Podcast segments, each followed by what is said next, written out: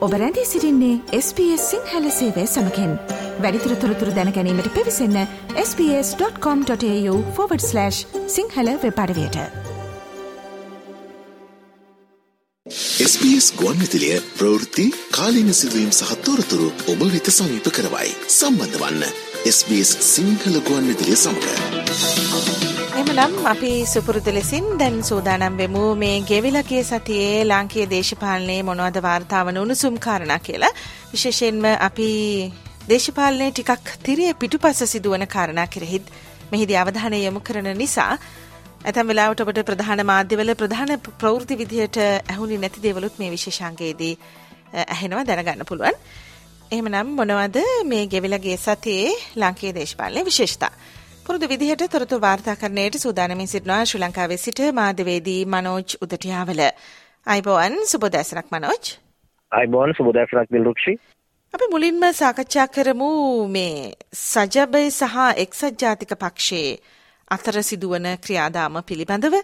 දැන් ටික කාලෙකට කලින් මනෝජ් අපිට වාර්තාවීමක් සිද්ධ වුණා මේ සජබ සහ එක්සත් ජාතික පක්ෂයේ එකතු වෙන්න යනවා දෝ කියලා යම් යම් අභ්‍යන්තරික තොරතුරු වාර්තා වෙමින් තිබුණා. ඇතැම් පිරිස්වල යම් උනන්දුවක් තියෙනවා. සජිත් රනිල් දෙන්න එකතු වුණොත් හොඳයි. එතකොට ඒ එකතු වෙන ආණ්ඩුවක සජිත් අගමැති වෙයිද? මේ වගේ නොයෙකුත් කතාන්තර. මේ සතිය වෙනකොට ටිකක් ඒ සම්බන්ධව තවත් තොරතුරු වාර්තා වෙමින් තියෙනවා. සජබ එක්තරා පිරිසක් රනිල් සහ සජිත් එකතු කිරීමේ යම් උත්සාහයක ඉන්නවා කියලා. මොකක්ද මේ අලුත් ව්‍යායාමය? ඔව් දැන් සන්ධාන ගොඩනැගීම පිළිබඳව නිතර අහන්න ලැබෙනවා. අපි දන්නවා සමගි ජන බලවේගය කියන්නේ එක්සත් ජාතික පක්ෂයෙන් විදුණු ලොකු කණ්ඩායම. එක්සත් ජාතික පක්ෂයේ නායකයා රනිල් වික්‍රමසිංහ වර්තමාන ජනාධිපතිවරයා. සමහරු විශ්වාස කරා රජබෙන් කණ්ඩායමක් ගැලවිලා එක්සත් ජාතික පක්ෂයට ඉක්මනට එයි කියලා. බැලු බැල්මටම එහෙම දෙයක් සිද්ධ වුණේ නැහැ. නමුත් ඉදිරියේදී දේශපාලන භූමියේ වෙනස්කම් සලකා බලලා සමගි ජනබලවේගයත් එක්ක ප්‍රාදේශීය මට්ටමින් කටයුතු කරන කණ්ඩායම් සජිත් ප්‍රේමදාස මැතිතුමාට ඉල්ලීම් කරනවායි කියලා යම් තැන්වල වාර්තා වෙමින් තිබුණා. ඒකට හේතුව තමයි යම් ආකාරයකින් ඉදිරි ජනාධිපතිවරට රනිල් වික්‍රමසිංහ ජනාධිපතිවරයා ඉදිරිපත් වෙලා ජයග්‍රහණය කරලා ඊට පස්සේ එන මහමැතිවරණයේදී සමගි ජන බලවේගය ආණ්ඩුවක් පිහිටවන්න කටයුතු කරොත් අග්‍රාමාත්‍ය ධුරය සජිත් ප්‍රේමදාස මැතිතුමාට ලබා ගන්න පුළුවන්. එතකොට ඉහළ කණ්ඩායම් යම් විරසක තිබුණත් සමහර වෙලාවට එකට වැඩ කරපු පහළ කණ්ඩායම් වල එකඟ වෙලා වැඩ කරන්න පුළුවන් තත්ත්වයන් තියෙන්න පුළුවන් රනිල් වික්‍රමසිංහ ජනාධිපතිවරයා සහ සජිත් ප්‍රේමදාස සමගි ජන බලවේගයේ නායකයා අතර ඒ හින්දා පහලින් යම් ආකාරයෙන් ලීම් සිද්ධ වෙනවා කියලා වාර්තා වෙනවා. මොකද සමහර වෙලාවට පොඩි රැල්ලකුත් තියෙනවානේ ජාතික ජනබලවේගය ඉදිරි මැතිවරණයකින් දිනලා ආණ්ඩුවක් පිහිටුවයිද කියලා. එතකොට සමහරු ජාතික ජනබලවේග ආණ්ඩුවක් බිහි කළොත් තමන්ගේ දේශපාලන කටයුතු ඉස්සරහට කරගෙන යන්න බාධා සිද්ධ වෙන්න පුළුවන් කියන විශ්වාසත් එක්ක එවැනි යෝජනා සිද්ධ කරනවා වෙන්න පුළුවන්. එකට වැඩ කරපු අය එකඟ වෙලා කතා වෙලා වැඩ කරන්න ලේසි වැඩ නොකරපු අයාට පස්සේ ඉදිරියට පුරුදු වැඩ කරගෙන යන්න අමාරුයි. ඒ නිසා එවැනි යෝජනා එන්න පුළුවන් කියලා වාර්තා වෙනවා.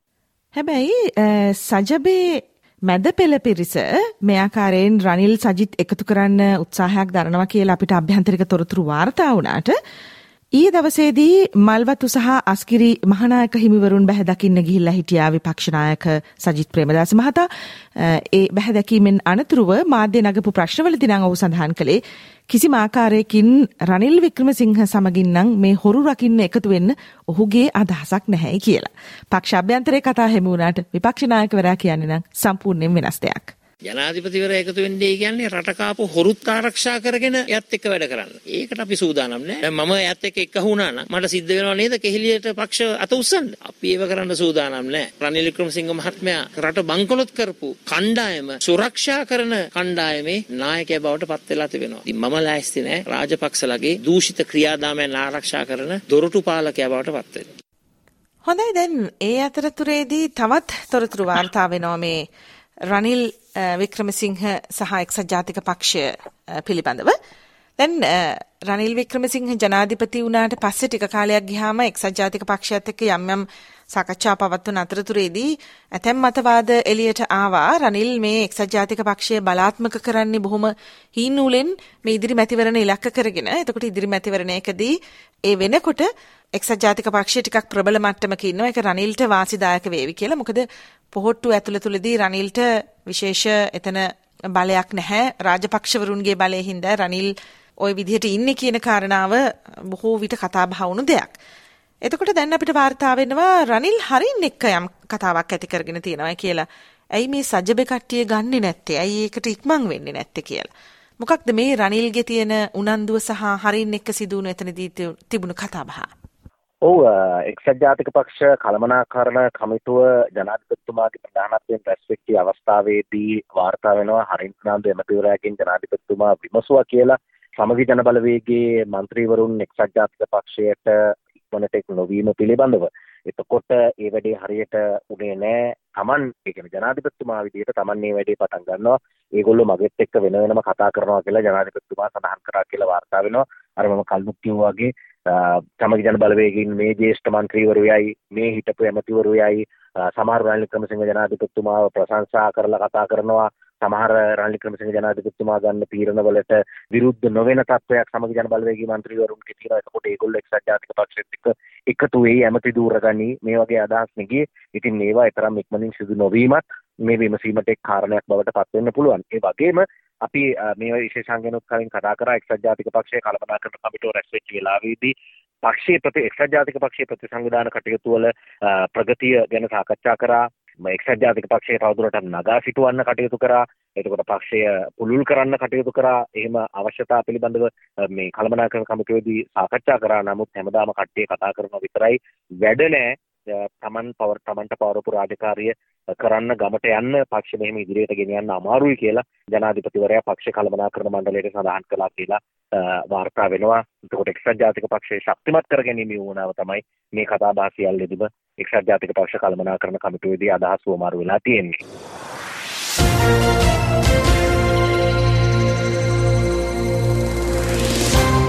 අද අපේ සතියේ දේශපාලනික පුවත් විග්‍රහය රනිල් සහ එක්සත් ජාතික පක්ෂය පිළිබඳව තියෙන කතාබහ ටිකක් වැඩිද කියලා හිතනවා. මේ තවත් ප්‍රවෘත්තියක් ඒ සම්බන්ධව වාර්තා වෙන හින්දා. අපිට වාර්තා වෙනවා මනෝජ් දැන් පාටලි රනිල් හමුවක් පිළිබඳව. දැන් කාලෙකට කලින් තවත් කතාවක් තිබුණනේ පාටලි එක්සත් ජාතික පක්ෂයේ පොදු අපේක්ෂකයා වේවිද කියලා. කාලින් මෛත්‍රීපාල බාගත්තා. මෙවර බාගන්න යන්නේ පාටලීද කියලා යම් කතාවක් කසුකුසුවක් තිබුණා. හැබැයි පාටලි චම්පික රණවක මන්ත්‍රීවරයා සම්බන්ධව කිසිම ප්‍රතිචාරයක් දැක්ුවේ නැහැ. ඔහු ජනරජ පෙරමුණ පිහිටුවාගෙන ඔහුගේ වෙනම දේශපාලන ගමනක් පිළිබඳව තමයි ඔහු ප්‍රවෘත්ති සාකච්ඡා පවත්වමින් සඳහන් කරමින් සිටින ජනතාවට. හැබැයි පාටලි රනිල් හමුවක් සිද්ධ වෙලා තියෙනවා. මොනවද මේ හමුවේදී සාකච්ඡා වෙලා තියෙන්නේ? එතකොට ඒකත් අර රනිල්ගේ ව්‍යායාමයේ එක්තරා කොටසක්ද මේ අලුත් පිරිස් Tamanගේ පක්ෂයට බඳවා ගැනීම පිළිබඳව වන කාරණාවේදී. මේ කටයුත්ත සිද්ධ වෙලා තියෙන්නේ පසුගිය 24 වෙනිදා කොළඹ සිරිකොත එක්සත් ජාතික පක්ෂ මුල්ස්ථානයේදී කලිනුත් අපි දැක්කා දේශය වෙනුවෙන් එක්වන පියවරක් කියන තේමාව යටතේ ජනරාජ්‍ය පෙරමුණ යම් යෝජනාවලියක් ඉදිරිපත් කළා මේ යෝජනාවලිය රනිල් ක්‍රමසිංහ ජනාධිපතිවරයාට බාර දෙන්න තමයි ජනරාජ්‍ය පෙරමුණේ කණ්ඩායම පාර්ලි කම්පිකරණව හිටපු ඇමතුමත් එක්ක හම්බ වෙලා තියෙන්නේ. මේ අවස්ථාවේදී මේ නියෝජිත කණ්ඩායම හමු වෙලා ජනාධිපතිතුමා සාකච්ඡා කරන වෙලාවේදී රනිල් ක්‍රමසිංහ මහත්මයා ඒ කියන්නේ ජනාධිපතිවරයා සඳහන් කරලා තියෙනවා රටේ බිඳවන ආර්ථිකය ආයිමත් ස්ථාවර කරගන්න අවුරුදු දෙකක පහුගිය කාලේ රජය මහන්සි වෙලා වැඩ කරා. එතකොට මේ තීන්දුව తీරන අරගෙන මේ ආර්ථිකය නිවැරදි මාවතකට ගෙනෙන්න රජය කටයුතු කරනවා. දේශපාලන ભેදයක් නැතුව රට වෙනුවෙන් පොදු වැඩපිළිවෙලට එක් වෙන්න කියලා Taman හැම වෙලාවෙම දේශපාලන පක්ෂවලට ආරාධනා කරලා තියෙනවා කියන කාරණේ මේ අවස්ථාවේදීත් යලිත් සිහිපත් කරලා තියෙනවා. ඒ අතරේ මේ ජනාධිපතිවරණය ගැන හැමෝම කතා කරනවානේ. ජනාධිපතිවරණය නියමිත කාලයට පවත්වන්න කටයුතු කරනවා. ඒ වගේම මහමැතිවරණයක් ලබන අවුරුද්දේ මුලදී පවත්වන්න කටයුතු කරනවා කියලා සඳහන් කරලා තියෙනවා. ඉතින් ඉදිරි දේශපාලන අවශ්‍යතා වෙනුවෙන් වන සාකච්ඡාවකොත් එක්ක මේ දේශය වෙනුවෙන් එක්වන පියවරක් කියන වැඩපිළිවෙල ජනාධිපතිවරයාට පාර්ටි සම්ප්‍රකරණව කීටපු ඇමතිවරයා බාර දීලා තියෙනවා.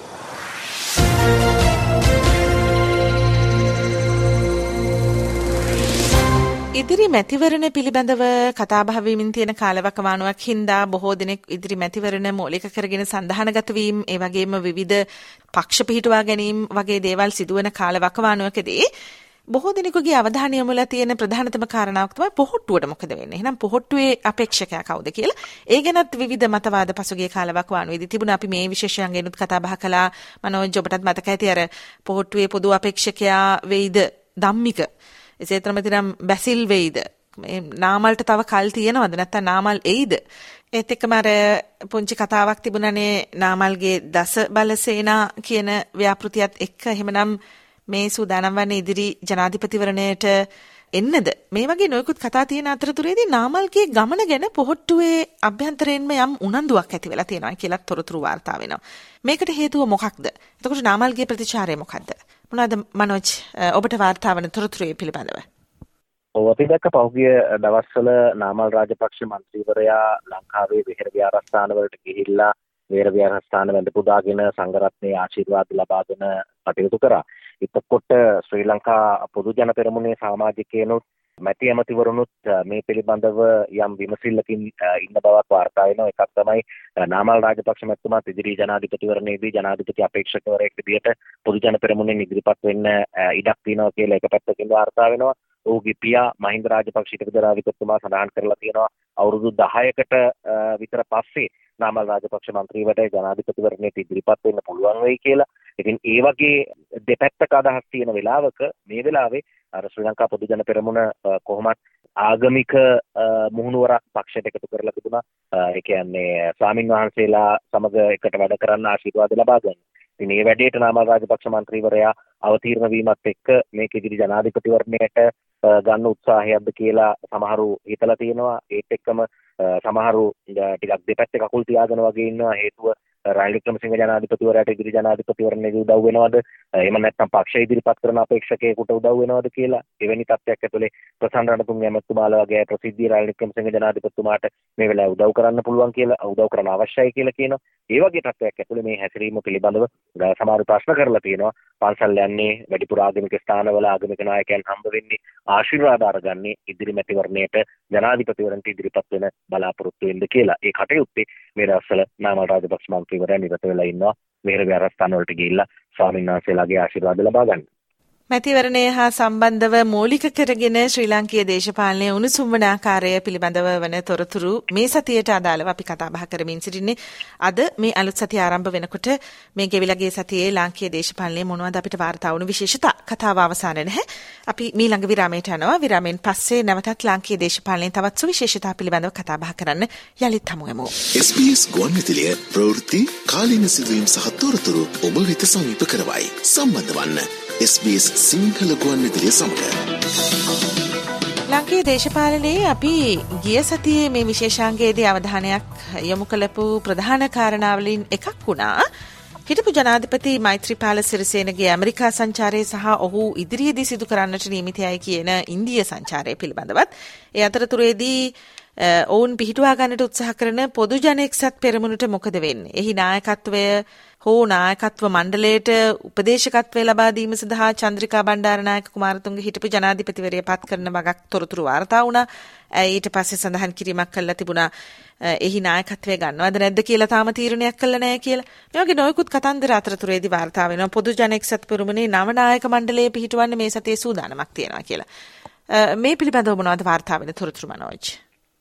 ඔව් මෛත්‍රීපාල සිරිසේන හිටපු ජනාධිපතිවරයාගේ ඇමරිකානු සංචාරයට කලින් මේ නායකත්ව මණ්ඩලයේ නිලධාරී මණ්ඩලය පත් කරයි කියලා තොරතුරු තිබුණා. ඊට පස්සේ ජනාධිපතිතුමා ඇමරිකාවට ගිය වෙලාවේ කියුණා එහිදිත් රාජතාන්ත්‍රික නිලධාරීන් හම්බුණු වෙලාවේ මේ සන්ධානය ගොඩනැගීම පිළිබඳව කතා කරලා තිබුණා.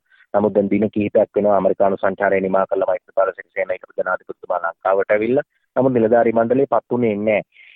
හැබැයි දැන් මේ සතියේ ඒ සඳහා නිලධාරීන් පත් කරන්න සූදානමක් තියෙනවා කියලා වාර්තා වෙනවා. පොදු ජන එක්සත් පෙරමුණට තමයි අලුත් නිලධාරීන් පත් කරන්නේ. එක්සත් ජනතා නිදහස් සන්ධානයක් පූර්ණ යටතේ තියෙන සන්ධානයක්. ශ්‍රී ලංකා නිදහස් පක්ෂයේ ප්‍රමුඛව. නමුත් මේ එක්සත් ජනතා නිදහස් සන්ධානයේ මහලේකම් දුරේ සම්බන්ධයෙන් නැතිවලා තියෙන ප්‍රශ්නේ නිසා එක්සත් ජනතා නිදහස් සන්ධානය නැතිව පොදුජන එක්සත් පෙරමුණ බිහි කරන්නයි සූදානම් වෙනවා කියලා වාර්තා වෙන්නේ. ඉතින් මේ මේ සන්ධානයේ නායකත්වයට තමයි චන්ද්‍රිකා කුමාරතුංග හිටපු ජනාධිපතිනියත් සම්බන්ධ කරගන්නවායි කියලා වාර්තා වුණේ. අපි පසුගිය සතියේ මේ විශේෂාංගයෙන් කතා කරා එතුමිය එක් අවස්ථාවක් කියලා තිබුණා මේ සන්ධානයට යනවද නැද්ද ඉදිරි ජනාධිපතිවරට අපේක්ෂකයෙකු උදව් කරනවද නැද්ද ඒ ගැන Taman තාම තීරණය කරව නැහැ හිතලා නැහැ කියලා. ඉතින් මේ නිලධාරීන් මේ සතිය පත් කරායින් පස්සේ තමයි අපිට තේරුම් ගන්න වෙන්නේ කවුද මේ නායකත්ව මණ්ඩලයට පත් කරන්න කියලා. ඒ වගේම නිලධාරීන් විදියට කවුද පත් කරන්න කියලා. ඒකට එක හේතුවකුත් තියෙනවා.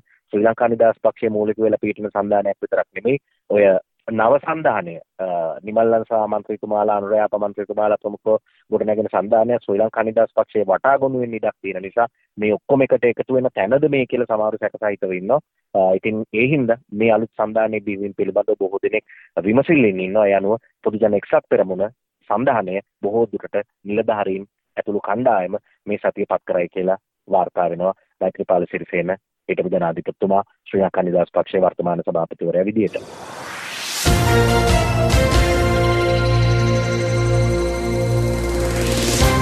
මීළඟ අවධානය වර්තමාන පොලිස්පති දේශබන්ධු තෙන්නකෝන්ගේ සේවා දිගුව පිළිබඳව ඔහු ටිකක් ජනප්‍රිය වෙලා ඉන්න මේ දවස්වල යුක්තිය මෙහෙයුමත් එක්ක කලින් නම් ජනාධිපති රනිල් වික්‍රමසිංහ ඔහුට මේ පත්වීම ලබා දෙනවට තරම් කැමැත්තක් තිබුණේ නැහැ කියලා තමයි තොරතුරු වාර්තා වෙන්නේ. හැබැයි දැන් රනිල් කැමතියි කියලා තොරතුරු වාර්තා වෙන්නේ.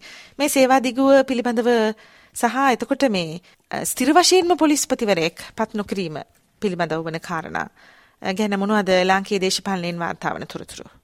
ඔව් සීඩි වික්‍රමරත්න පොලිස්පතිවරයා විශ්‍රාම යාමෙන් පස්සේ කවුද පත් කරන්නේ පොලිස්පති ධුරයට කියලා හිතේ තියෙන වෙලාවේ දේශපාලන තෙන්නකෝන් හිටපු දේශ නියෝජ්‍ය පොලිස්පතිවරයා බඩබලන පොලිස්පතිවරයා විදිහට තමයි පත් කරේ ගිය අවුරුද්දේ නොවැම්බර් 29 වෙනිදා මාස 3ක කාලයකට. එතකොට මේ පෙබරවාරි 29 වෙනිදා මාස 3ක කාලය ඉවර වෙනවා.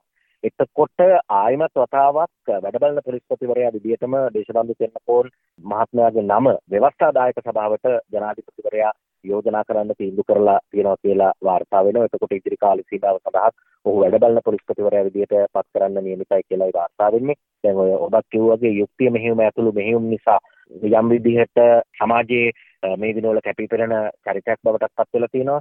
විශේෂයෙන් මහජන ආරක්ෂාව පිළිබඳ අමාත්‍යවරයා විදිහට පිලාන්නල ඇමතිවරයා. ඒ කියන්නේ වැඩ බලන පොලිස්පතිවරයාගේ විශේෂ ඇමතිවරයාත් ප්‍රසිද්ධිය කිව්වා මම මේ මූණ පොලිස්පතිවරයා විදිහට දකින්න කැමති රජයට අකමැත්තක් නැහැ. එතනින් එහා නිලධාරී මට්ටමේ යෝජනා කිරීමකදී මොකක් වෙයිද දන්නේ කියන කාරණේ ටිරානල විශේෂ ඇමතිවරයාත් කියලා තිබුණා. ඉතින් මේකත් තහවුරු කරමින් තමයි තවදුරටත් සේවා දිගුවක් ලබා දෙන්න ව්‍යවස්ථාදායක සභාවට දේශබන්දු තෙන්නකෝ නම වැඩ බලන පොලිස්පතිවරයා විදිහට යෝජනා කරන්න රාජ්‍ය වික්‍රමසිංහ ජනාධිපතිවරයා තීරණය කරලා තියෙනවා කියලා වාර්තා වෙන්නේ.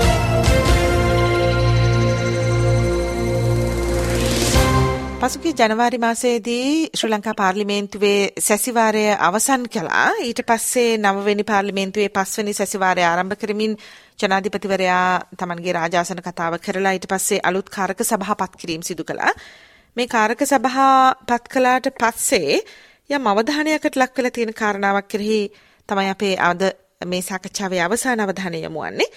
ඒ තමයි මහ බැංකුව නිලධාරීන්ගේ වැටුප් වැඩි කරලීම හා සම්බන්ධව වන කාරණාවක් පිළිබඳව විශාල ප්‍රතිශතයකින් ඔවුන්ගේ වැටුප් වැඩිවීමට නියමිතයි. මේ සම්බන්ධව යම් විරෝධතාවක් ඇති වෙලා තියෙනවා කියලා තොරතුරු වාර්තා වෙනවා. මනෝජ් දැන් මේ අලුත් කාරක සභාත් පත් කරලා තියෙන කාලවකවානුවකදී මොකක්ද මේ සම්බන්ධව ලාංකීය දේශපාලනයෙන් වාර්තා වන තොරතුරු? ඔව් දැන් මහබැංකු නිලධාරීන්ගේ වැටුප් 70%කින් වැඩි කරගත්තා කියන චෝදනා මේ වෙලාවේ සමාජයෙන් එල්ල වෙලා තියෙනවා. ඒකට හේතුව රටේ යම් ආර්ථික අර්බුදයක් තියෙනවා. මේ ආර්ථික අර්බුදේ ජනතාවට කියන්නේ ඉලක්කම් වලින්ම කියන්නේ මහබැංකුව. සමහර සහන ජනතාවට දෙන්න බෑ. එහෙමම කාර්තිකයේ බිඳ වැටෙනවා කියලා කියන්නේ මහ බැංකුව එවැනි තැනකින් අනිත් අයට පඩිවැඩි කරගන්න එපා කියලා මහ බැංකුව පඩිවැඩි කරන්නේ කොහොමද කියලා යම් සංවාදයක් ඇති වෙලා තියෙනවා. ආණ්ඩුවේ වගේම විපක්ෂයේ මන්ත්‍රීවරණුත් ජනාධිපතිවරයාටත් මේ පිළිබඳව කියලා තියෙනවා පැමිණිලි කරලා තියෙනවා කියලා වාර්තා වෙනවා. ඒ නිසා ආණ්ඩු පක්ෂය සහ විපක්ෂ මන්ත්‍රීවරු මේ සම්බන්ධයෙන් කරපු හඬ නැගීම් එක්ක මතු කිරීම එක්ක පාර්ලිමේන්තුවට කැඳවලා දැන් මුදල් කාරක සභා තියෙනවා. ඒ හා සම්බන්ධ මූල්‍යමය කාරණා සම්බන්ධයෙන් අවධානය යොමු කරන්න පුළුවන් කාරක සභා තියෙනවා මහා බැංකුව ස්වාධීනව කටයුතු කරාට මේ කාරක සභාවලට ගෙන්නලා ඔවුන්ගෙන් මේ සම්බන්ධයෙන් ප්‍රශ්න කරන්න පුළුවන් කියලා ඉල්ලීම් කරලා තියෙනවා පාර්ලිමේන්තුවට කැඳවලා ප්‍රශ්න කරන්න ඕන කියලා විපක්ෂයේ ප්‍රධාන සංවිධායකවරයා විදිහට ලක්ෂ්මන් කිරියල්ල මන්ත්‍රීවරයා කතානායකවරයාගෙනුත් ඉල්ලීමක් කරලා තියෙනවා. ඉතින් මේ හින්දා මේ පිළිබඳව ඔවුන් ඉදිරියේ පාර්ලිමේන්තුවට කැඳවලා එසේ පරිවැඩි කරගන්න හේතුව මොකක්ද කියලා විමසා බලනවා කියලා වාර්තා වෙනවා. එතකොට මේ පිළිබඳව ලිඛිතව ජනාධිපතිවරයාට ලියලා තොරතුරු දක්වන්නත් සූදානම් කියලා මහ බැංකුව පැත්තෙනුත් සඳහන් කරලා තිබුණා. මුදල් රාජ්‍ය අමාත්‍යවරයා මේ පිළිබඳවත් අදහස් පළ කරලා තිබුණා. ඔහුත් කියලා තිබුණා මහ බැංකුව පනතින් මහ බැංකුව ස්වාධීන ආයතනයක් බවට පත් කරලා තියෙන නිසා වැටුප් වැඩි කිරීම ගැන තීන්දුව ගැනීමේ හැකියාව මහ බැංකුවට තියෙනවා. නමුත් මේ වගේ අවස්ථාවක කර මෙහෙම වැටුප් වැඩි කර ගැනීම තරම් හොඳ තත්ත්වයක් නෙමෙයි. ආර්ථික අර්බුදයක් තියෙන වෙලාවක හැබැයි යම් මහා බැංකුව ආශ්‍රිතව කටයුතු කරන බැංකුවේ ඉන්න විශේෂඥ දැනුමක් තියෙන පිරිස් ලංකාවෙන් යනේක වලක්වලා ලංකාව තුළ මේ සේවය ලබා දෙන්න රඳව ගන්නවා නම් මේකට කරන්න තියෙන හොඳම ක්‍රමයක් තමයි වැටුප් වැඩි කර දීම. ඒ නිසායි මේ වැටුප් වැඩි කිරීම සිද්ධ කරේ. එහෙම නැතුනොත් ඔවුන් රට අතහැරලා ගියොත් වැටුප් වැඩි කිරීමක් ගැන කතා කරන්න දෙයක් නෑ. හැබැයි නිලධාරීන් නැති වෙනවා. එවැනි තත්ත්වයක් තියෙනවා කියලා මුදල් රාජ්‍ය අමාත්‍යවරයා සඳහන් කරලා තියෙනවා. කොහොමවත් මේ වැටුප් වැඩි කර ගැනීම පිළිබඳව සමාජයෙන් එල්ලවන පීඩනය සහ ආණ්ඩු පක්ෂ සහ විපක්ෂ මන්ත්‍රීවරුන් මතු කරපු කරුණු කාරණාත් එක්ක ඉදිරියේදී පාර්ලිමේන්තුවට ගෙන්නලා ඒ පිළිබඳව මහා බැංකු නිලධාරීන්ගෙන් ප්‍රශ්න කරන්නයි සූදානම් වෙනවා කියලා වාර්තා වෙන්නේ. හොඳයි මනෝ ජීවනම් ඔබට ස්තුතිය පල කර සිටිනවා. ශ්‍රී ලංකාවේ දේශපාලනක තත්වෙති සමීප කරන්න අපිත් එක්ක මෙවරත් අපගේ සතිය ශ්‍රී ලංකේ දේශපාලනක පුවත් විග්‍රහ සමගින් සම්බන්ධනාට එබනම් අපි හෙට හමුවමු ලංකාවේ ප්‍රවෘති සමගින් මෞබිමෙන් පුවත් විශේෂංකයෙන් අයිබෝන් අයිබෝන් දිලක්ෂි බොම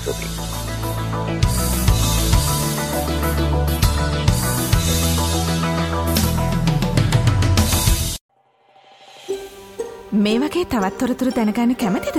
එහෙමනම් Apple podcast Google podcast Spotify ඔබගේ පොඩ්කාස්ට ලබාගන්න ඕනෑම මාතයකින් අපට සවන්දය හැකේ.